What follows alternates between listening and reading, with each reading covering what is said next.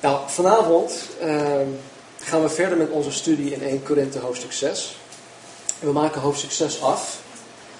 En we gaan heel specifiek kijken naar vers 18. En in vers 18 zegt Paulus tegen de Corinthiërs: Vlucht weg van de hoererij.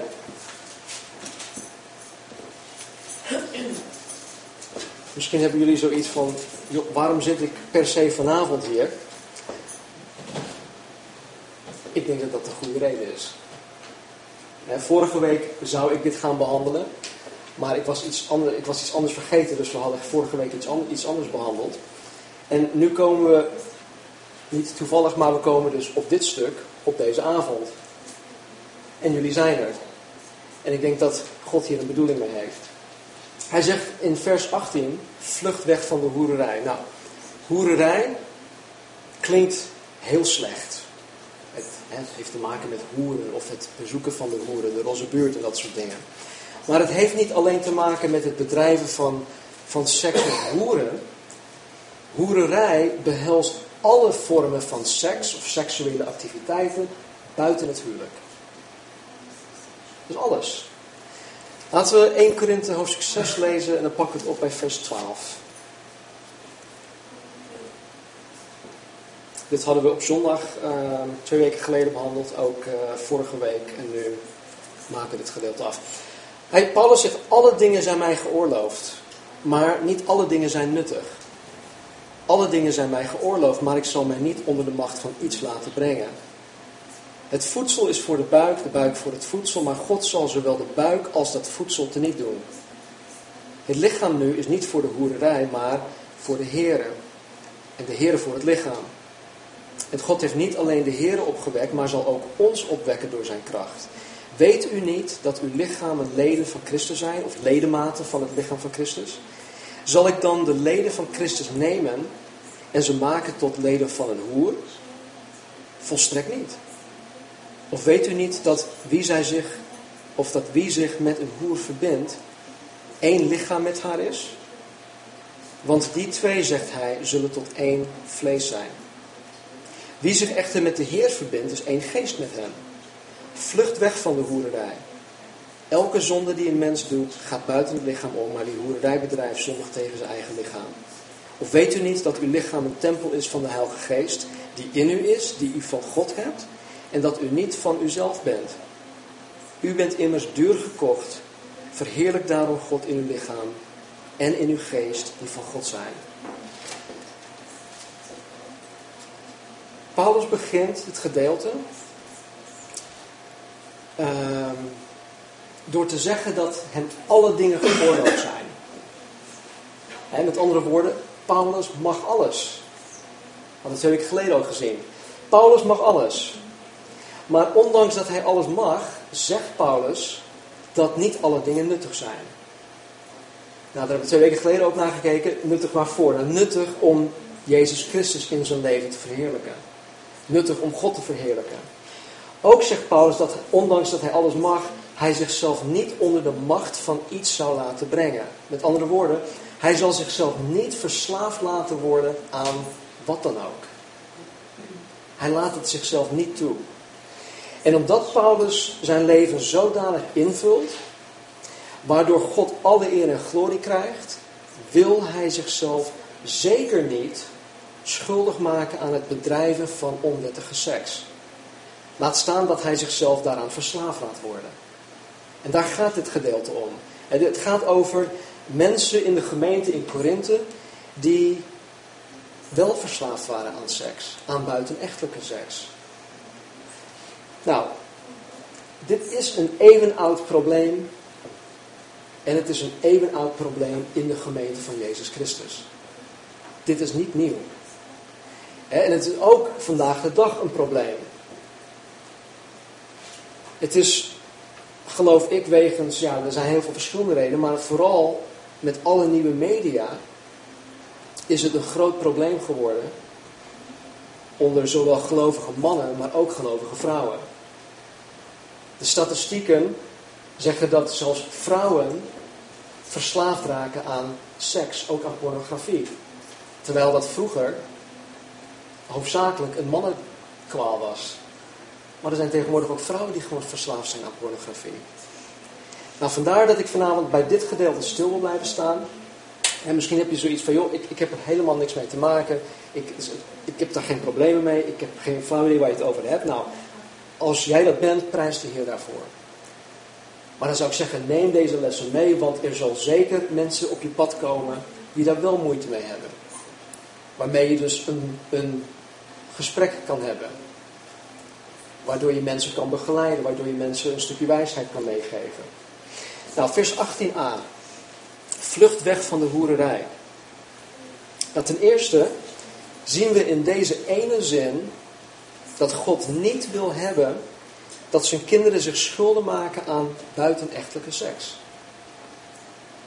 Om het nog meer duidelijk te maken, zegt Paulus in 1 Thessalonicense 4, vers 3. Dit is de wil van God. Uw heiliging. Dat u uzelf onthoudt van de hoererij.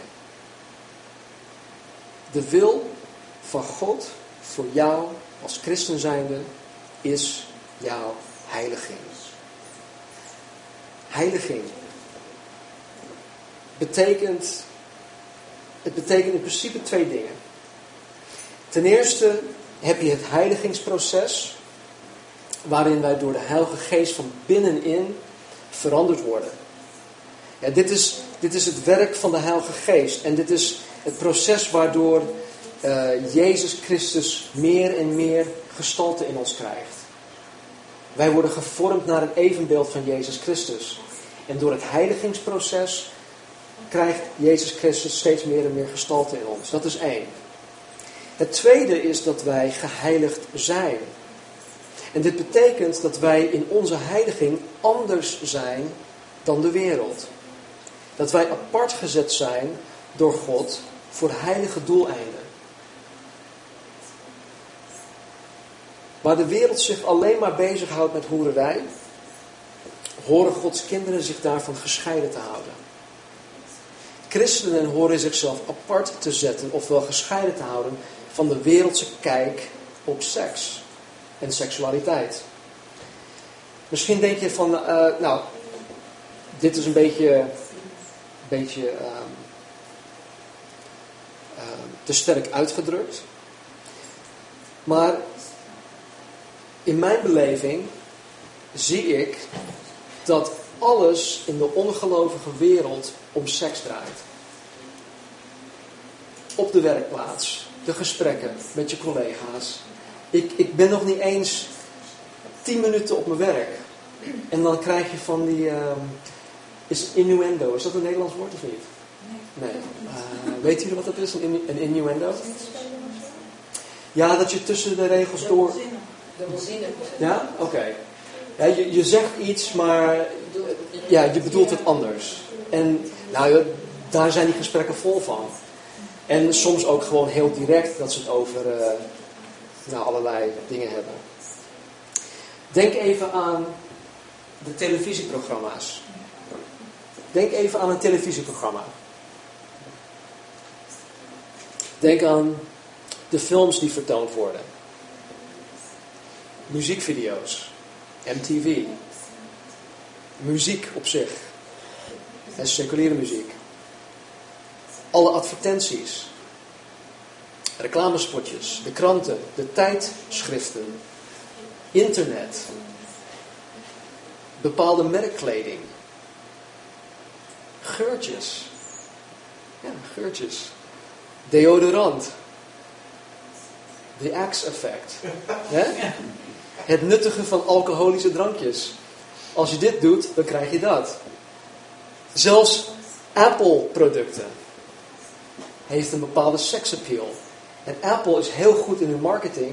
En ze, hoe ze dat neerleggen of neerzetten, is dat als je, de, de gedachte erachter is, is als je Apple gebruikt, en dat, daarom doe ik het niet hoor, maar goed, als je een Apple-product gebruikt, dan heb je een bepaalde seksappeal.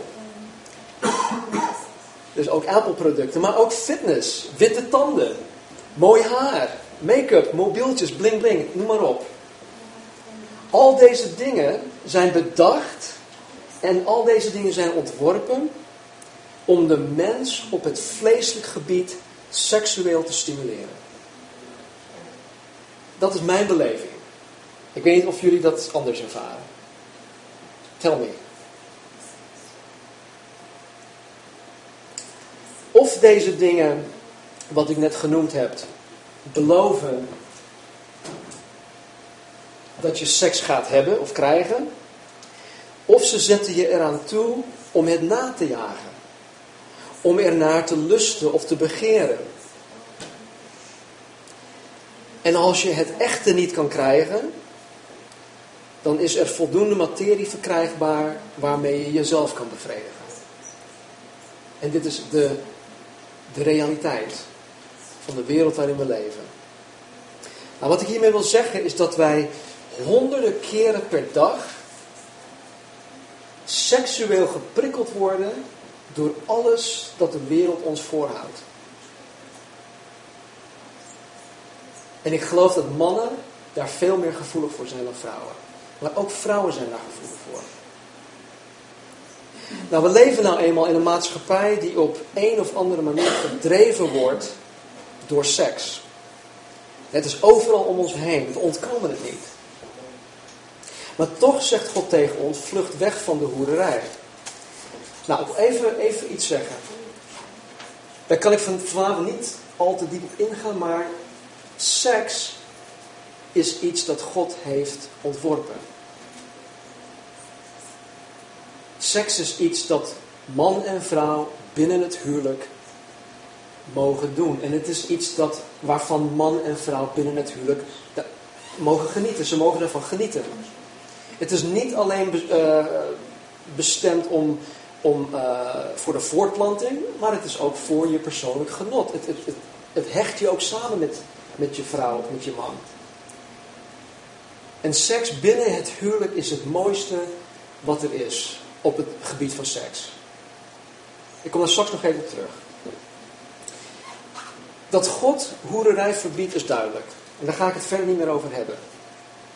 Want als God het één keer in de Bijbel verbiedt, dan hoort het eigenlijk al voldoende te zijn om ons daaraan te houden. Hij zegt het één keer, nou goed, ik wil het gehoorzamen. Maar God zegt het telkens weer. Door de hele Bijbel heen verbiedt hij buitenechtelijke seks. Maar waarom dan? Waar gaat dit eigenlijk over? Want iedereen doet het, waarom mag het dus niet?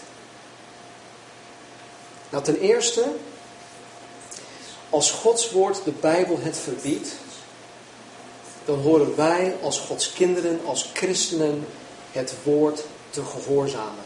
Punt uit. Eigenlijk hoeft het niet eens verder te gaan. We kunnen nu naar huis gaan.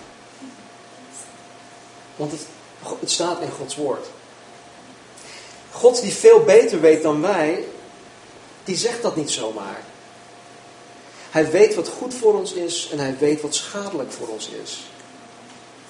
En als God het ons verbiedt, dan kunnen we ervan uitgaan dat hoererij schadelijk is voor ons. Hoe je het ook wendt of keert. Nou, ik ben eentje die dingen pas begrijpt als ik de achter, achterliggende gedachten ken. Niet alles hoor, maar in, in, in veel dingen. Met andere woorden, als ik weet waarom iets wel of niet mag, dan begrijp ik het pas. En dit kan zowel zijn voor- als nadelen hebben. Op het gebied van buitenechtelijke seks had ik vroeger altijd de vraag waarom het door God niet toegestaan werd. Nou, nu stellen vooral, vooral jonge mensen mij deze vraag. ik heb twee jaar lang onze jongeren ook, ook geleid en we hebben het daar wel eens over gehad. Vooral als ik de jongens apart heb genomen. Dan hebben we het hierover. Want het is, het is actueel, het leeft in die jongens. Dit zijn jongens in de puberteit. Ze barsten van de hormonen. En ze hebben die vraag, waarom mag dat dan niet? Ik heb die drang. Uh, waarom heeft God mij die drang dan gegeven? En dat zijn hele goede vragen. Maar er is een goede reden daarvoor. Naast het feit dat God het, God het duidelijk verbiedt, zijn er ook tal van redenen waarom God het verbiedt. Nou, vanavond wil ik me beperken tot, tot drie dingen. Drie redenen waarom Gods kinderen, christenen, zich moeten onthouden van hoererij. Nou, ik wil gaan kijken naar wat voor effect het plegen van hoererij kan hebben op het welzijn van Gods kinderen. Nou, ten eerste heeft hoererij, en dit is ja, uh, vergeef me als het heel direct is, dit zijn woorden die, die, uh, ja, die, die eigenlijk niet uh, in deze context gezegd mogen worden misschien, maar goed, om een duidelijk beeld te krijgen moet ik deze woorden gebruiken. En ik heb deze informatie van, uh, van de website uh, aidshivsoa.nl gehaald. En dat zijn uh, statistieken en gegevens van, van onderzoeken die, die wij hebben gedaan. Nou, ten eerste heeft hoererij een verwoestend effect op je lichaam. Het heeft een verwoestend effect op je lichaam. Een bacteriële of een virale SOA, en een SOA betekent seksueel overdraagbare aandoening, STD. Zo'n SOA loop je zo op. En zeg niet van mij overkomt dit nooit, want een SOA krijgt men sneller dan je denkt. Een aantal symptomen die voortvloeien uit verschillende SOA zijn onder andere dit pus of afscheiding uit je penis, je vagina of je anus. Bij vrouwen is er een hogere afscheiding dan normaal, die er ook anders gaan uitzien en anders gaan ruiken. Je kan een branderig gevoel krijgen bij het plassen. Ook plast men met beetjes. Je krijgt zweertjes of wratjes op of rond je penis, vagina, anus of je mond. Je krijgt jeuk in je schaamhaar, op je eikel, je penis, op je schaamlippen, op je anus. Je krijgt gezwollen klieren in je liezen. Jongens krijgen pijn in hun zaadballen. Je krijgt pijn in je onderbuik. Je krijgt pijn bij het vrijen. Onregelmatig of abnormaal bloedverlies. Ook tussen de menstruatie door. Doe maar op. En er zijn nog meer dingen. Dit zijn symptomen, dit zijn gevolgen van een SOA. En dan heb ik nog niet eens over de allerergste. HIV en AIDS. Nou, welke soorten SOA zijn er? Er is eentje dat heet chlamydia. Er worden 60.000 gevallen gemeld per jaar hier in Nederland. Dat zijn de gevallen die bekend zijn.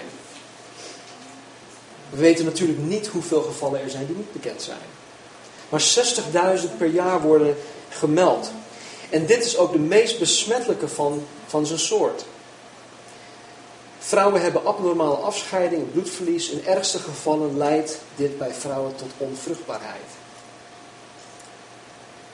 Je hebt ook genitale wratten. dit zijn wratten die zich rond, zoals ik al zei, de vagina, penis of anus bevinden. Herpes genitalis is een virale infectie die zeer pijnlijke blaasjes en wondjes geeft aan de geslachtsdelen. Druiper. Hepatitis B. Dat, is na, dat wist ik niet, maar dat is na tuberculose de belangrijkste doodsoorzaak in de wereld. En het is, zeer, het is een zeer ernstige infectie van de lever en hepatitis B is dodelijk. En men geraakt besmet via seksueel contact, ook door orale seks kan je hepatitis B krijgen en via bloedcontact. En deze ziekte is uiterst besmettelijk. Syphilis, je krijgt zweertjes op je slijmvliezen, huidsymptomen, aantasting van je hart, je nieren, ruggenmerg en je hersenen. HIV, de Human Immunodeficiency Virus, wat uiteindelijk AIDS veroorzaakt. Mensen die dit oplopen, door Gods woord te negeren, komen vroeg of laat achter wat koning Salomo duizenden jaren heeft geschreven in Spreuken 5, 11 tot 12. En hij zegt hier, en uiteindelijk, wanneer er niets meer van je over is, schreeuw je het uit. Waarom heb ik, mij, waarom heb ik wat mij is geleerd verworpen? Elke waarschuwing heb ik veracht. Ik weet niet of jullie ooit te maken hebben gehad met iemand die uh, van AIDS is gestorven. Maar dat omschrijft wat hier staat. Uiteindelijk wanneer er niets meer van je over is. Een AIDS-patiënt die van AIDS sterft, er is letterlijk niets meer van die persoon over. Waarom heb ik wat mij is geleerd verworpen? Elke waarschuwing heb ik veracht. Hoererij heeft een verwoestend effect op je lichaam. En vandaar dat God zegt, vlucht weg van de hoererij. Ten tweede, hoererij heeft een verwoestend effect op het gezinsleven. Christelijke huwelijken, die blijvend horen te zijn, hè, tot de dood je scheidt, worden al te vaak door hoererij tot een abrupt einde gebracht. En dat is heel triest. Want echtparen scheiden. En wanneer het echtpaar een kind of kinderen heeft, dan lijden de kinderen daar enorm onder. Een hele bestaan wordt ontwricht. De emotionele schade dat zo'n kind oploopt, kan hem of haar hun hele leven lang bijblijven. Het vormt hun, het misvormt hun. Kijk om je heen naar hoeveel eenoudergezinnen er zijn. En dan wonen wij zelfs in een, in een beetje normale buurt. Ga naar de binnenstad toe. Daar is het nog, nog veel erger. De helft, de helft van mijn klas. De helft van jouw klas, kijk. De helft van haar klas. Ik weet nog toen Kendall, op, Kendall en Alyssa op de basisschool zaten.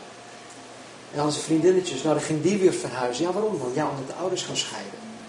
Een huis staat te koop. Ja, waarom dan? Omdat de ouders gaan scheiden. Het is gewoon triest. En veel, veelal in, in, in, in die echtscheiding, ik wil niet zeggen dat, het, dat, dat, het, dat hoererij elke keer een, een oorzaak is, maar het speelt een grote rol daarin. Het speelt een hele grote rol. En weet je wat het trieste is? Vaak geven de kinderen zichzelf de schuld van echtscheiding. Ik weet zeker dat als je met de kinderen praat uit, uit, uh, uit Gerry's klas, als je door blijft vragen, dat ze uiteindelijk zeggen van ja, maar het, het is waarschijnlijk mijn schuld. En het is hun schuld niet. Het is de schuld van de ouders.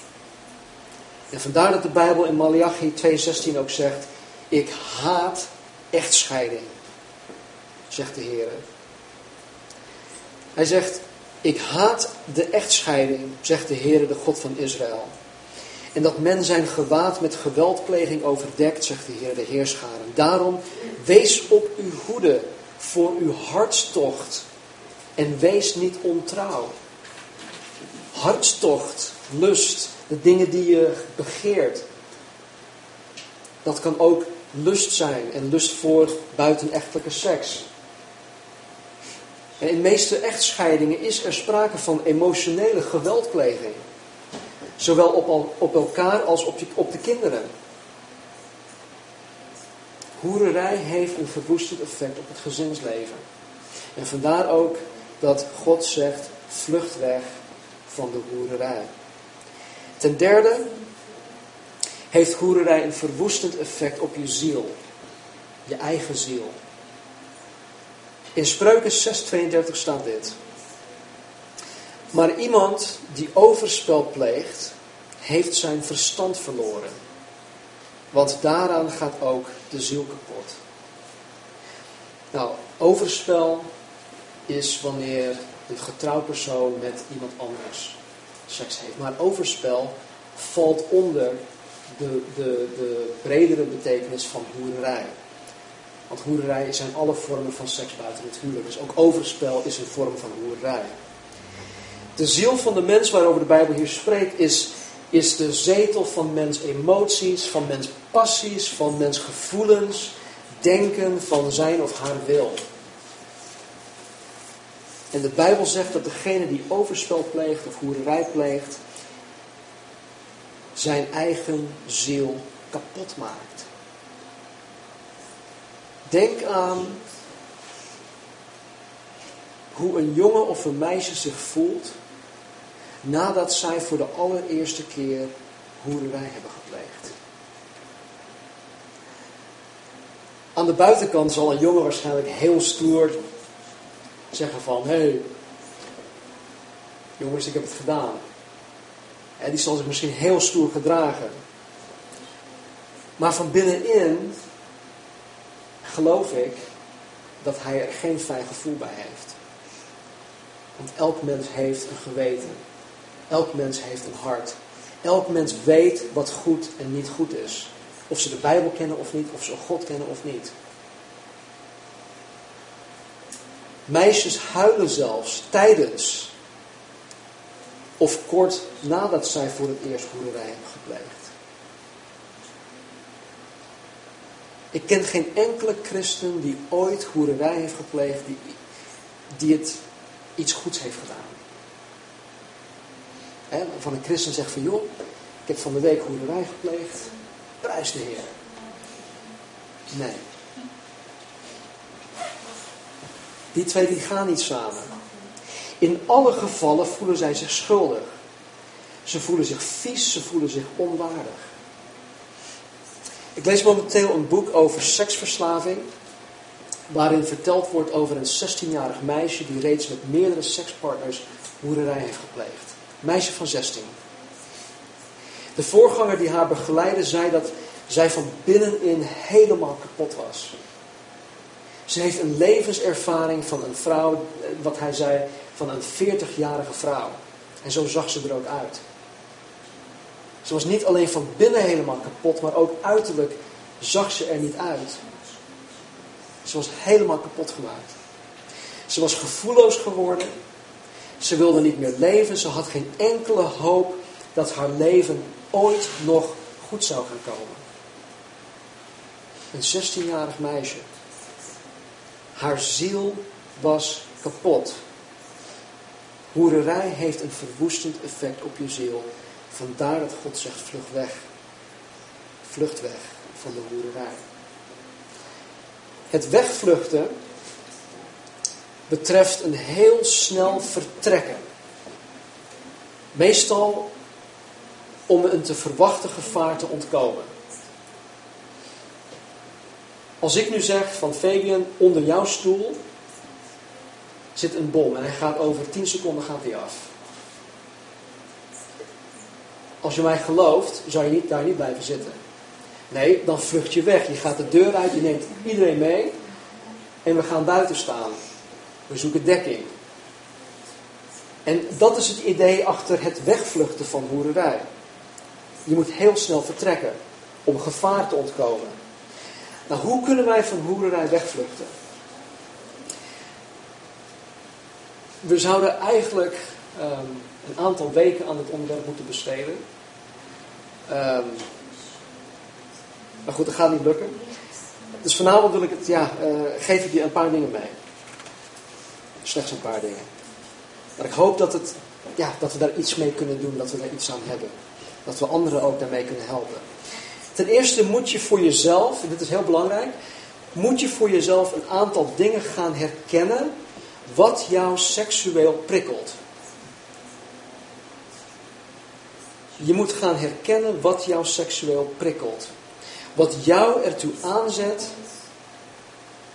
om boerderij te willen plegen. Het zij in daad of het zij in je gedachten. Bijvoorbeeld, als je als jonge man of man of jongen zijnde gebonden bent aan pornografie, ga dan bij jezelf na wat jouw aanleiding geeft om naar pornografische plaatjes of filmpjes of wat dan ook te kijken. Wat is de aanleiding daartoe? Zijn het bepaalde dingen die je leest? Zijn het bepaalde dingen die, die je op televisie ziet? Is het een bepaald soort muziek? Is het misschien wanneer je ontmoedigd bent? Is het misschien wanneer je boos bent? Is het wanneer je alleen thuis bent? Ik noem maar een aantal voorbeelden. denk daarover na. Wat is de aanleiding? Waar ben ik vatbaar voor?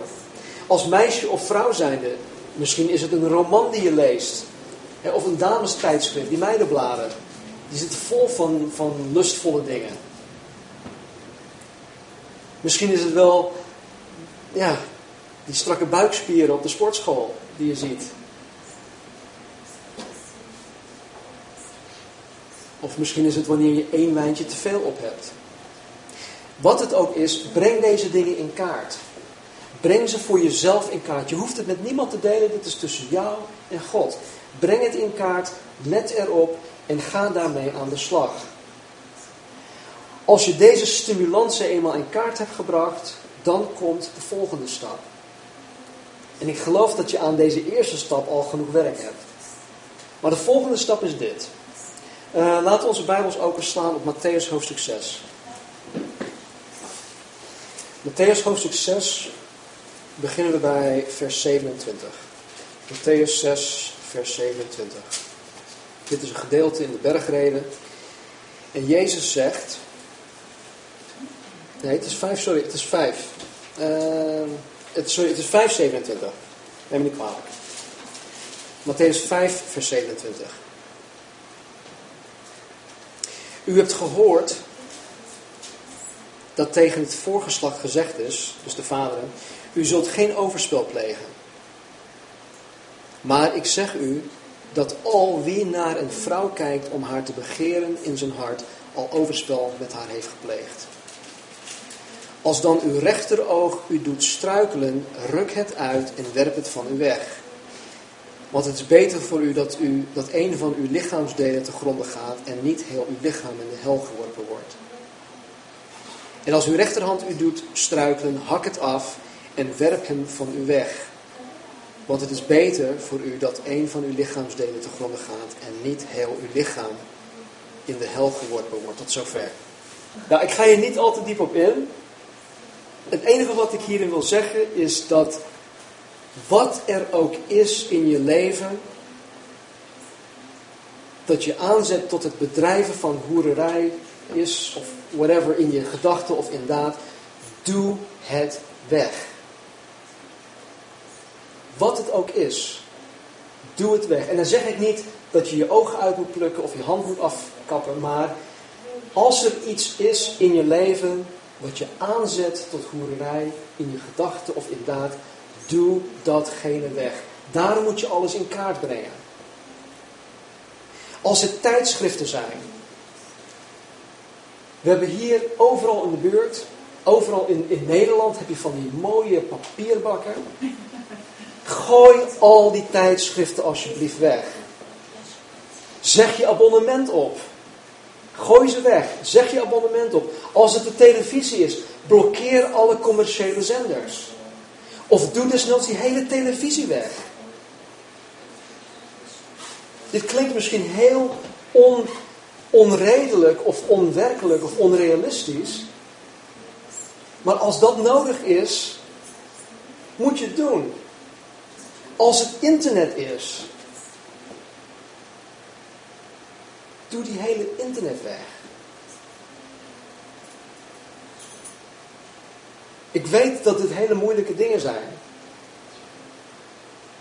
En is dit misschien niet te radicaal? Het is radicaal, maar is het nodig? Ja, het is nodig. Ik weet van mezelf van nature dat ik vatbaar ben voor bepaalde dingen. Ik heb dingen in kaart gebracht voor mezelf. Ik weet wat mij prikkelt, wat mij stimuleert. Ik moet die dingen als de pest vermijden. Anders ga ik de fout in. En dan zeg ik niet dat ik naar de roze buurt ga, maar ik ga in mijn gedachten de fout in. Wij moeten radicale maatregelen nemen. Het is nodig. Vlucht weg van de hoererij.